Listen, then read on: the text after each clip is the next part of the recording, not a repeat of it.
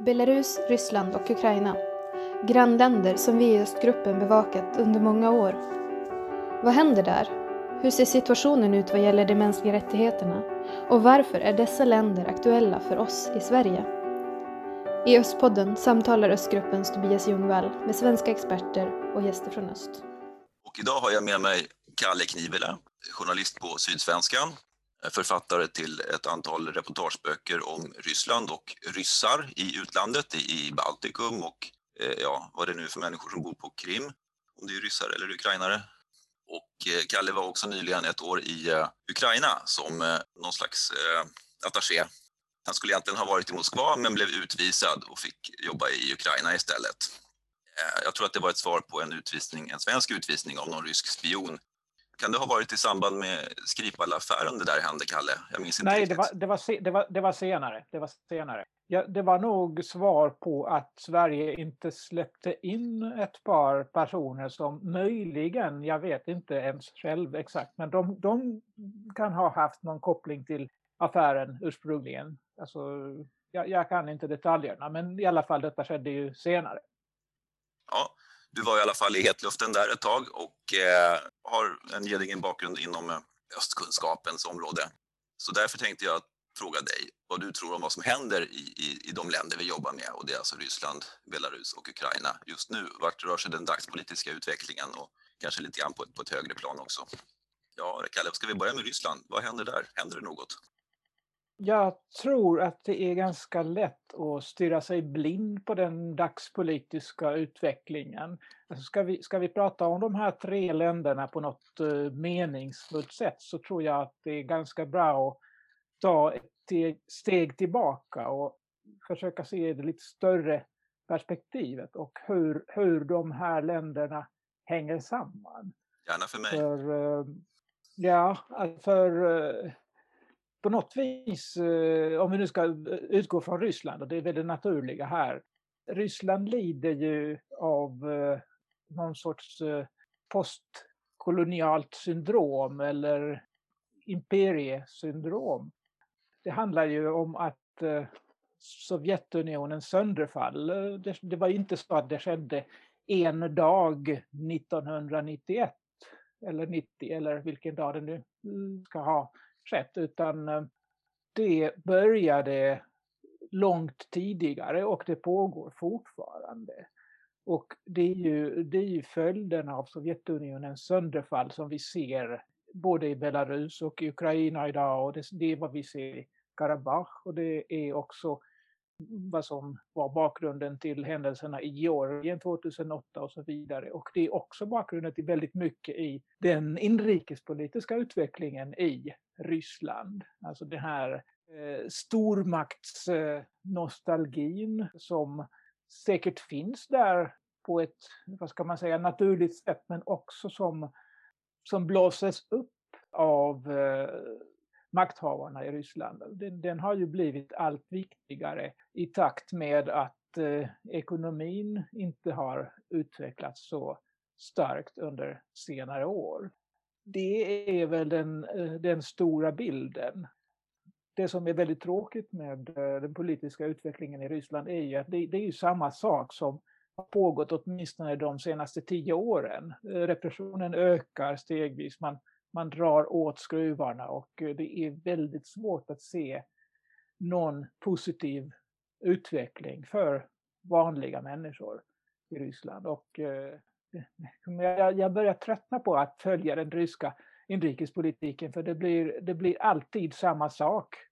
Nu, nu har man återigen förbjudit någonting och nu har man återigen fängslat eller stängt av eh, någonting eller Ja. Nyligen så... förgiftade man till och med en oppositionsledare. Ja, de senaste, det, var, det var ju... Ja, de senaste åtta åren det, kanske man ska... väldigt extremt. De senaste åtta åren kanske vi ska specificera. Alltså, Putin kom tillbaka efter Medvedevs lilla judoliberala period där, 2012 eh, så har eh, skruvarna dragits åt, som du säger, eller tumskruvarna. Om jag ändå får trendspana och komma med någon slags, eh, vad jag tror kan vara en, en eh, kursändring lite grann, Eh, så förut har det ju talats mycket om det här med, med propagandan som eh, vapen och som ett sätt att mest förvirra, att man, man eh, levererar motstridiga uppgifter och sanningar och, och idéer. Eh, jag undrar om det inte är, alltså, vi, har den här författaren Peter Pomeranze som skrev en bok om det. Har det varit väldigt inne och resonerat kring Ryssland på det viset att rysk desinformation är ute efter att förvirra och man bryr sig inte om att övertyga någon om, om någonting egentligen, utan man försöker få folk att känna att det inte finns någon sanning och finns ingenting att luta sig mot. De konstitutionsförändringar som, som Ryssland nu införde i våras, somras, eh, var ju eh, i stor utsträckning ideologiska. Eh, man gav konstitutionen en mer uttalad nationalkonservativ prägel kan man väl säga. Man, man talade om att äktenskapet är mellan man och kvinna, alltså en markering mot eh, hbtq och eh, västlig eh, liberalism eh, och progressiva värderingar. Man infäste andra världskrigets betydelse den ryska historien eh, och även det ryska folkets eh, statsbärande roll tillsammans med andra folk. Jag undrar om inte det här signalerar att man rör sig bort lite grann från det här förvirringsparadigmet och vill etablera någonting lite fastare i konturerna, någon, någon lite mer uttalad konsekvent ideologisk världsbild som eh, kan vara lättare att förhålla sig till och, och på sätt och vis eh, innebär en, en mognad av Putin-regimen. Vad tror du om den tanken?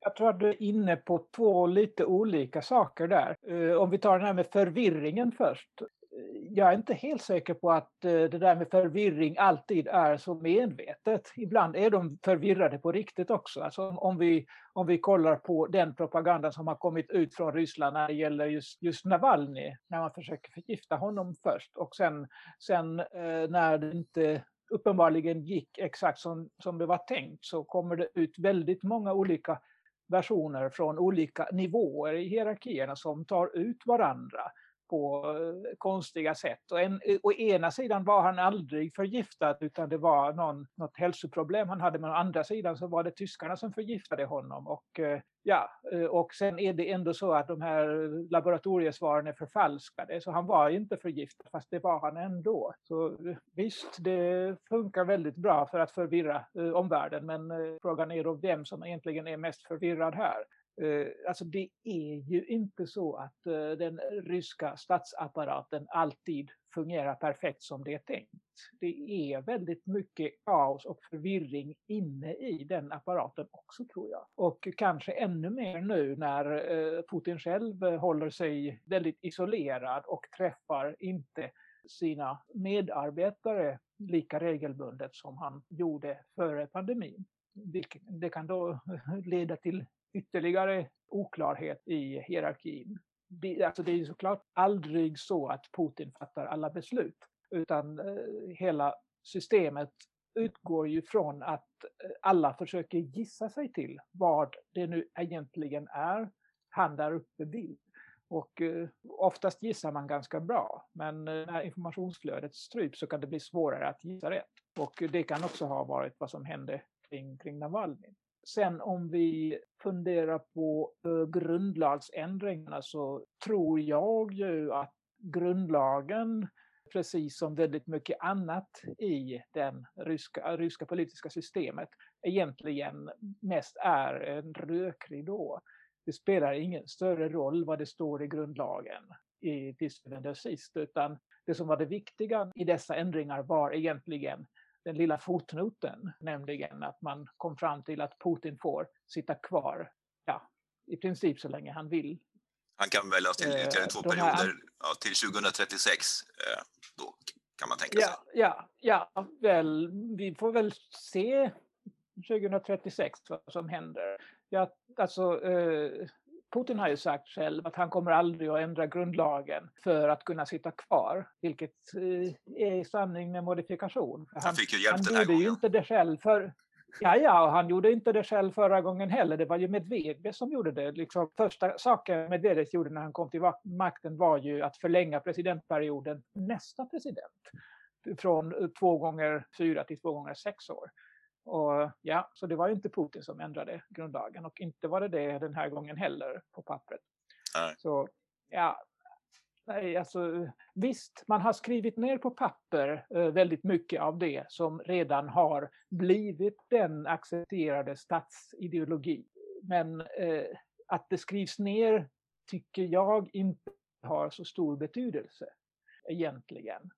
Nej. Eh, en som inte hjälpte honom att förlänga sitt maktinnehav eh, och här går vi vidare till nästa punkt i programmet, eh, var ju eh, Belarus diktator Alexander Lukasjenko. Eh, det påstås ju ha funnits en plan där Putin skulle ha kunnat fortsätta som ledare för en nybildad unionsstat med, mellan Ryssland och Belarus. Då. Mm. När Lukasjenko... Den finns ju sedan länge. Ja, som ett projekt, men den är inte förverkligad. Och den, den, har inga, eh, den har samarbetsinstitutioner där man verkar på, på jämlik nivå, men det finns ingen överstatlighet i den här unionsstaten ännu. Men genom att införa det skulle Putin då kunnat besätta en ny post så blev det inte och eh, det menar man då beror på att Lukasjenko satte sig emot det här förra vintern när, när på förhandlingar pågick som intensivast. Och därför blev Putin istället tvungen att ta till de här konstitutionsförändringarna och få den här lilla hjälpen med, med den lilla fotnoten som du sa, så att han kan fortsätta. Ja, det var mest ett sätt att komma över på Lukasjenko här. Eh, som vi alla vet har han varit i blåsväder sedan i augusti i alla fall, om inte längre. Vad tror du om, om det? Alltså det här är, för, alltså, eh, unionen, vad heter den, eh, Belarus, Ryssland, den, den kom ju till en gång i tiden egentligen därför att Lukasjenko ville få den positionen, den positionen, alltså bli Jeltsins efterträdare och styra över både Ryssland och Belarus. Nu lyckades det inte den gången. Och eh, sedan dess är det som du säger, alltså den här unionen har legat på is. Men eh, den, den finns på pappret som väldigt mycket annat som finns på pappret. Men, men inte i verkligheten i den här delen av världen. Och visst, eh, alltså Lukasjenko är en väldigt, eller har varit en väldigt skicklig förhandlare. Han har väldigt skickligt under många år ställt Ryssland och väst mot varandra och lutat en åt det ena hållet, en åt det andra hållet för att eh, få så mycket som möjligt från, från båda. Samtidigt så eh, är det ju även när det gäller Belarus så att det som händer där är fortsatt en del av eh, Sovjetunionens pågående sönderfall. Eller möjligtvis, om det skulle gå som eh, Putin önskar, tendensen till det motsatta, nämligen att man återigen samlar åtminstone delar av det gamla Sovjetimperiet under, under Kremls styre. Det var ju det Putin genomförde på Krim. var eh, symboliskt men ändå viktigt just eh, ett, ett sätt att visa att att Ryssland återkommer som stormakt, som, som ett imperium och Ja, förmodligen skulle han gärna göra samma sak i Belarus men eh, det är inte lika enkelt av flera olika skäl. Bland annat därför att det trots allt finns en befolkning i Belarus som inte är så jättesugen på att bli en del av eh, Kremls imperium. Och eh, det vill väl ingen annan heller i Belarus. Eh, det vill, Lukasjenko vill definitivt inte bli mer underhuggare till Putin än han är idag och det finns inhemska eliter i Belarus som inte heller vill detta. Det hade varit ett ganska svårt projekt. Men, men nu är ju, eh, nu är ju Lukasjenko väldigt försvagad av eh, händelserna efter fuskvalet. Ja, det senaste fuskvalet ska ni säga. Men jag hade egentligen förväntat mig, först hade jag inte förväntat mig alls att något sånt här skulle hända kring valet. Jag trodde att det skulle gå till som det brukar gå till i, i eh, Belarus, nämligen att eh, eh, Lukasjenko fuskar sig till så kallad valseger. Eh, några få kommer ut och protesterar. Lukasjenkos underhuggare går ut och bankar dem sönder och samman och sen är det bra med det. Det var vad jag också trodde. Ja, men så blev det ju inte. Och eh, frågan är varför det inte blev så. Alltså en eh, anledning är ju säkerligen att han gick för långt helt enkelt. Det här eh, våldet mot eh, demonstranter och framförallt våldet mot de gripna demonstranterna var så brutalt att helt nya grupper i samhället blev upprörda och eh, kom fram till att det här kan vi inte tillåta. Ja, så kan det vara. Eh, I alla fall mycket bredare skikt än, äh, än de här gamla äh, marginaliserade oppositionskrafterna. Ja, de har knappt varit med alls och, i det här eh, valdramat. Nej, nej, och det är väl en anledning till att det har blivit så bred uppslutning. För de, eh, alltså de gamla oppositionspartierna var det inte så många som kunde identifiera sig med. Men, men sen nästa steg så trodde jag faktiskt att Putin skulle sätta in mer kraft, eh, använda mer vad ska man säga, att han, han, han hårdare skulle gå in på att uh, överta uh, makten på olika nivåer i det belarusiska samhället. Men nu har Vilka in ryska poliser verkar... och liknande menar du? Vilket aldrig hände, men de stod i beredskap? Ja, alltså, Ja, de stod i beredskap, men jag vet inte riktigt vad som händer nu och ingen verkar, ingen verkar veta det heller. Alla, alla väntar ut varandra idag, det kanske du inte hade koll på, men idag får Minsk besök av ingen mindre än eh, Sergej Lavrov, den eh, ryske utrikesministern. Och riktigt vad som kommer att sägas då, det vet vi ju förstås särskilt inte ännu. Men eh, efter valet så har väl Ryssland så att säga satt sina kort på en eh, kontrollerad eh, liberalisering eller kvasiliberalisering av, av den belarusiska politiken så att man kan införa någonting som liknar den ryska styrda demokratin med partier som går att eh, styra och manipulera lite grann sådär och då gärna från ryskt håll. Lukasjenko har ju, har ju satt igång någon slags eh, översyn av eh, konstitutionen och vad, han, vad som kallas för en samhällelig dialog där man då håller möten med godkända fackföreningar och andra organisationer. Och... Ja, det är ju det är exakt lika mycket rökridå som, som grundlagsändringarna i Ryssland om inte ännu mer. Ja, där hade de ju en, en kommitté på, på något hundratal personer tror jag, en stor kommitté i alla fall. Eh, här är det nog lite mer decentraliserat ändå, men vad det kommer att resultera i, det bestämmer ju förstås Lukasjenko själv. Och man, man, tror väl att det här var liksom en del av det som, som Ryssland tycker sig ha utlovats då istället för att stödja Lukasjenko, att man får ett, ett mer manipulerbart politiskt landskap där man själv kan vara med och lite grann och kanske sponsra ryska partier och, och, och liknande. Nu eh, verkar det väl som att Lukasjenko backar lite grann från det här. Han pratar också på sistone mer om att man måste ha en, en, eh, en politik, utrikespolitik i olika riktningar, multivektoriell med ett fint ord. Och, så, och eh, han håller helt enkelt på att backa lite grann från Ryssland som han ju hoppade ju i Putins famn då efter, direkt efter valet. Men, men nu ja. håller han på att försöka slinka ur den lite grann och det kanske är därför Lavrov... Men han har, han har ju ingenstans att ta vägen å andra sidan. Alltså han har ju verkligen målat in sig i ett hörn här. Det jag, det jag förväntade mig var egentligen att det så småningom skulle dyka upp eh, en politisk ledare som kan accepteras av det belarusiska folket och av Kreml. Och då hade ju eh, nästa steg bara varit att eh, alla gör gemensam sak och kastar ut Lukasjenko. Men det har inte skett hittills. Eh, och just att, att man håller på att manipulera kring eh, grundlagsändringar och liknande saker, det är egentligen ett sätt att eh, köpa tid. Ja, den här ledaren är ju i så fall Svetlana Tichanovskaja som ju befinner sig i Litauen och har starkt stöd från väst eh, och EU-länderna. Men, men än så länge inte har lyckats upprätta någon dialog med, med Moskva. I övrigt så, så, så, skulle väl presidentutmanaren då kanske, som Ryssland kunde tänkt sig i, i valet, ha varit eh, bankdirektören Viktor Babarika. Han sitter ju fortfarande i häkte sedan i somras anklagad för ekonomisk brottslighet och eh, idag tror jag det meddelades, eller om det var igår, att eh, förundersökningen mot honom är, är klar. Att han kommer förmodligen att, att snart dömas till fängelse, skulle jag gissa. Sen får vi se om han ber om benådning och får det eventuellt. Han har ju också, eller hans, hans eh, kampanjchef har ju eh, meddelat att man ska bilda ett, ett politiskt parti som då kanske skulle kunna bli ett sånt här proryskt eller Rysslandsvänligt parti i alla fall. Eh, men hon är ju själv i, i häkte, hon som meddelade det här. Så då måste väl hon också slippa ut kanske och, och överhuvudtaget så krävs det ganska välvillig behandling för att det här ska kunna bli av från regimens sida. Ja, och eh, där har man ju också från Lukasjenkos sida stängt väldigt många dörrar egentligen. Alltså det är väldigt svårt att på ett eh, vad ska man säga, trovärdigt sätt eh, bygga en ny politisk kraft när man sitter i fängelse och är helt beroende av Lukasjenko. Alltså alla rättsliga processer i den här typen av fall i Belarus är ju också bara en rökridå. De har ingen som helst betydelse utan det är bara en person som fattar beslut och det vet alla. Ja. Och som sagt, alla de som, som har spelat en roll i det här eh, valdramat på oppositionssidan, de sitter antingen i häkte eller befinner sig utomlands i landsflykt och, och kan förmodligen inte komma tillbaka utan att hamna i häkte.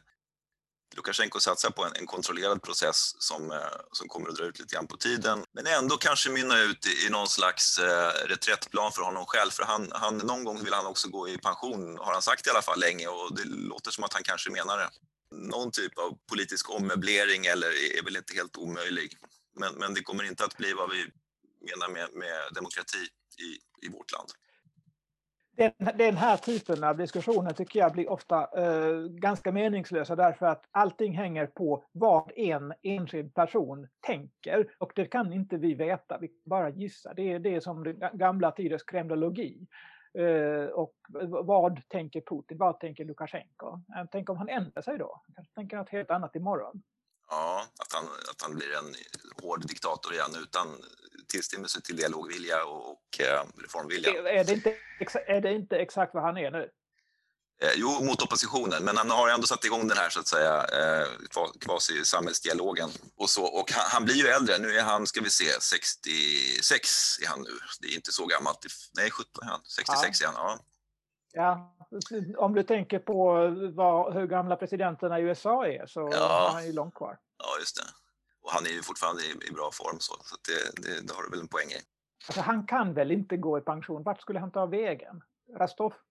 Nej, men någon, kanske att man, man eh, gör presidentämbetet till något mer av en hederspost som eh, Nazarbayev gjorde väl i Kazakstan där, att man behöver inte jobba så hårt och, och vara med och styra landet så konkret utan man har någon slags symbolisk post där man ändå så att säga kommer med. Jag tror inte det är möjligt i Belarus efter de senaste månadernas händelser. Alltså, alla skulle bara vilja ställa honom inför rätta och det vet han.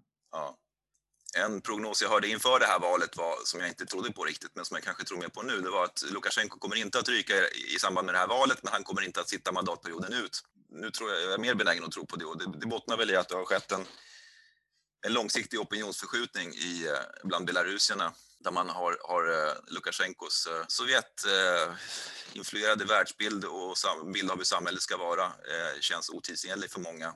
Speciellt de som är anställda i den växande privata sektorn men även bland unga människor mm. som har haft mycket kontakter med Europa och har smartphones och kan läsa på internet och kan engelska.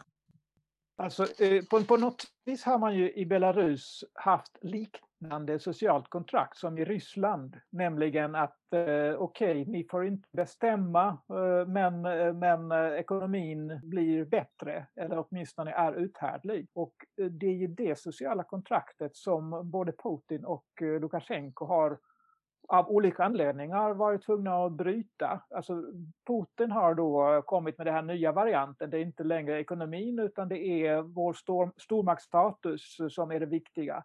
Lukasjenko har inte längre pengar därför att Putin ger inte honom pengar. Och eh, vad kan han erbjuda istället? Ja, det är möjligt. Samtidigt går ju ekonomierna lite grann i konjunkturer. Det kan ju vända. Om, om det är bara det det hänger på så, så kan det gå åt båda håll framöver. Jo, fast eh, Belarus ekonomi är ju väldigt beroende av oljekranen. Och eh, det är Putin som har den. Ja, det är inte bara, men, men visst. Eh, nu ska jag göra en till sån där snygg övergång till nästa land. Eh, det är nämligen så att eh, Ukraina eh, brukar ju normalt inte bry sig så mycket om eh, diktaturen i Belarus och förtryck av mänskliga rättigheter och demokrati och sånt där i grannländerna. Det, det är någonting som man liksom är van vid när man är ett land i den här eh, gamla sovjetiska sfären. Och även om man själv strävar mot demokrati så, så, så bryr man sig så kanske inte så mycket om hur andra länder gör i grannskapet. Men kring det här valet så har Ukraina, och det har jag sett lite grann i ena ögonvrån bara, reagerat väldigt starkt eh, mot Lukasjenko. Och det började, tror jag, med den här historien med de ryska legosoldaterna som greps inför valet och som Ukraina ville ha utlämnade, men som istället fick åka hem till Ryssland. Då blev eh, Zelensky, president Zelensky eh, överraskande förbaskad. Och då har han fortsatt att vara mot Lukasjenko därefter under det här misshandeln av demonstranter och, eh, och allt som har skett. Häromdagen när eh, EU då meddelade att man planerar att vidga sanktionerna mot Belarus så sades det också att Ukraina kommer att ansluta sig till EU-sanktionerna mot Belarus, mot den belarusiska regimen och kanske även mot till och med de ekonomiska sanktionerna som möjligen är att vänta. Och den här så att säga totala uppslutningen från Ukrainas sida bakom en, en eh, europeisk eh, sanktionspolitik mot, mot Lukasjenko är ju lite någonting nytt skulle jag väl påstå. Nå, något sånt har man väl aldrig sett förut och kanske inte heller väntat sig, eller vad tycker du? Nej, alltså eh, där har Ukraina ju balanserat ganska mycket och det har varit viktigt för den ukrainska ledningen att eh, Lukasjenko inte har erkänt den ryska annekteringen av Krim. Och eh, det var ju också en, en, en central fråga eh, i samband med presidentvalet. Hur ställde sig de andra kandidaterna till annekteringen? Och där eh, var ju eh, många ukrainska politiker ganska skeptiska till oppositionskandidaterna därför att ingen av dem var särskilt tydlig på den frågan. Därför att de i sin tur måste balansera eh, i, alltså, gentemot Ryssland. För den, om, om någon annan än Lukasjenko skulle komma till makten i Belarus så måste den personen behålla fungerande relationer med Ryssland. Det är de har inte råd, råd att reta Ryssland på det minsta lilla. Nej. Exakt, exakt. Och det är väl en anledning till att uh, Ukraina ändå ett tag i alla fall var avvaktande till uh, vad ska man säga, oppositionskandidaterna och eh, inte entydigt ställde sig bakom dem. Men samtidigt alltså, det, det är också viktigt eh, för Ukraina att ställa sig mot Ryssland här. Och det är ju nu väldigt tydligt att det är bara Ryssland som står bakom Lukasjenko. Så det tror jag är en, en viktig anledning till att Ukraina nu mer eller mindre väljer sida här. Och sen, ja, alltså det, det, finns ju, det finns ju ett folkligt stöd för, för demonstranterna. De, de belarusiska demonstranterna har folkets stöd i Ukraina. Man ser, man ser stödyttringar. Eh, men, men, samtidigt är det fortfarande just den här frågan om, om, om Krim som uh, irriterar många i Ukraina. Jag, jag hörde någon, jag, jag, kan inte säga riktigt var det kommer ifrån, men att eh, Lukasjenko hade faktiskt, eh, var en av de mer populära politikerna i Ukraina innan, innan det här valet. Ja, och han, han har ju varit eh, ganska populär under många år eh, som symbol för någon sorts stabilitet i motsats till det kaos som många upplever i Ukraina. Och eh, återigen, alltså det som, eh, det som händer i Ukraina, inte bara Krim och eh, Donbass utan väldigt mycket annat i Ukraina också, är en del av eh, Sovjetunionens sönderfall som fortfarande pågår. Alltså, Ukraina är ju såklart också en del av det här eh, postkoloniala eh, området, eh, gamla ryska, sovjetiska imperiet som redan föll sönder en gång för hundra år sedan. Men eh, som, som Sovjetunionens ledare, de kommunistledarna, lyckades eh, samla en gång. Och nu är det samma sönderfall som pågår igen. Och eh, Ukraina är ju eh, alltså annorlunda än, än, Belarus på många sätt. Framför allt därför att det är så mycket större. Alltså Ukraina är ju eh, till ytan Europas största land efter då den ryska, eh, europeiska delen av Ryssland såklart. Där finns många olika maktcentra av olika slag. Kanske inte i första hand eh, statsapparaten utan, eh, utan eh, oligarker av olika slag som eh, definitivt inte är intresserade av att eh, bli underhuggare till, till eh, det ryska systemet. Så det är inte, inte så att det enbart är politikerna och staten som ställer sig mot Ryssland. Sen finns det ju liksom givetvis olika intressen även bland, bland oligarkerna. Men alltså det är det, det, man nu har försökt bygga under ett antal år i Ukraina, det är ju, det är ju den här nationalstaten som man misslyckades bygga för hundra år sedan. Där kommer man på sätt och vis hundra år för sent. Det går sådär va? I Odessa där, så har man nu återinfört gamla sovjetiska eh, generalsnamn har jag för mig på, på gator och liknande. Mm. Så det finns någon identitetsklyfta fortfarande i Ukraina Ja, ja, och sen också, alltså, det pratas nästan för mycket om språkklyftan i Ukraina. Men, men en sak som man ska ha klart för sig är ändå att, att eh, ryska språket eh, ses av många som eh, en rest av ryska imperiet. Det är därför man, man ska övergå till ukrainska i alla, alla sfärer. För att slippa det här ryska alltså inflytandet från Kreml. Och eh, det är ju också, kan man tycka nu, eh, på något vis föråldrat eh, synsätt. Men, men dock, är det, dock är det så som många politiker i Ukraina har, har sett på situationen. Och en anledning till att Zelensky lyckades så bra i presidentvalet och även i parlamentsvalet var väl att han på sitt lite taffliga men ändå sätt eh, försökte rucka på det här tankesättet och eh, talade om att vi är, vi är alla lika bra ukrainare oavsett vilket språk vi talar. Och så vidare. Eh, och detta tilltalade ju många. Men nu när han blev president så har ju liksom alla andra politiska krafter vänt sig mot honom. Och inte bara politiska krafter utan alla, alla makthavare har vänt sig mot honom. Alla, alla, alla gör gemensam sak för att uh, bli av med den här bråkmakaren som inte förstår hur, hur det ukrainska politiska systemet ska uh, oljas. Visst vill han väl, precis. Uh, han vill ju väl, eller hur? Det är inte förtjänt det här. Han är ju en, en progressiv politiker som vill ta Ukraina framåt och de här som, som saboterar för honom är väl egentligen mest korrupta bakåtsträvare. Är det inte så?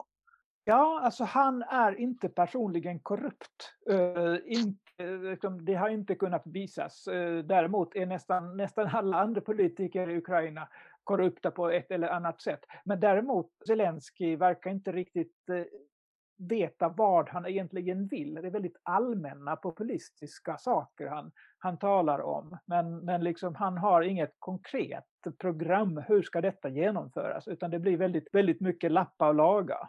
Ja, nu har han ju en, en, eh, en jobbig situation på halsen. Ehm, efter att konstitutionsdomstolen har upphävt landets antikorruptionslagar så vill Zelensky avsätta konstitutionsdomstolen, vilket förmodligen vore okonstitutionellt konstitutionsvidrigt. Så att här måste han välja vad, han, vad som är viktigast för honom, att motverka korruptionen eller att följa konstitutionen. Och det är ju ingen rolig, inget roligt dilemma för en mm. demokratisk politiker som Zelensky. Ja, och eh, jobbiga är ju då att det här med eh, konstitutionsdomstol, det är ju en del av det här eh, generalangreppet mot eh, Zelenskyjs Zelenskis administration. Det är ju ganska uppenbart att det finns många olika politiska krafter, ekonomiska makthavare har hållhakar på domare i konstitutionsdomstolen. De, konstitutionsdomstolen fjärrstyrs uppenbarligen från olika håll. Det, det är ett extremt svårt läge. Det, det, kommer, det kommer troligen inte att gå att avsätta konstitutionsdomstolen. Dels är det då som sagt eh, olagligt att göra så, men dessutom tror jag inte att eh, Zelensky kan få majoritet för att ändra lagen på den punkten även, även, även om man skulle bortse ifrån att, att eh, konstitutionsdomstolen själv skulle stoppa en sån lag. Ja. ja. Kalle Knivela, eh, jag får tacka dig för din medverkan i Östpodden. Nu har vi pratat om Ryssland, Belarus och Ukraina. Förhoppningsvis så kan vi prata någon annan gång. Kanske vi kan snäva in oss lite mer på någon särskild aspekt i något av de här länderna. Och eh, som sagt, eh, Lavrov, den ryska utrikesministern, besöker idag Minsk. För en uppdatering om detta, eh, gå gärna in och titta på just.nu i övrigt så tackar jag dig, Kalle, och säger hej då för den här gången. Hej då. Tack för att du har lyssnat på Östpodden. Om du vill veta mer om mänskliga rättigheter i Östeuropa, besök gärna Östgruppens hemsida och följ oss på sociala medier.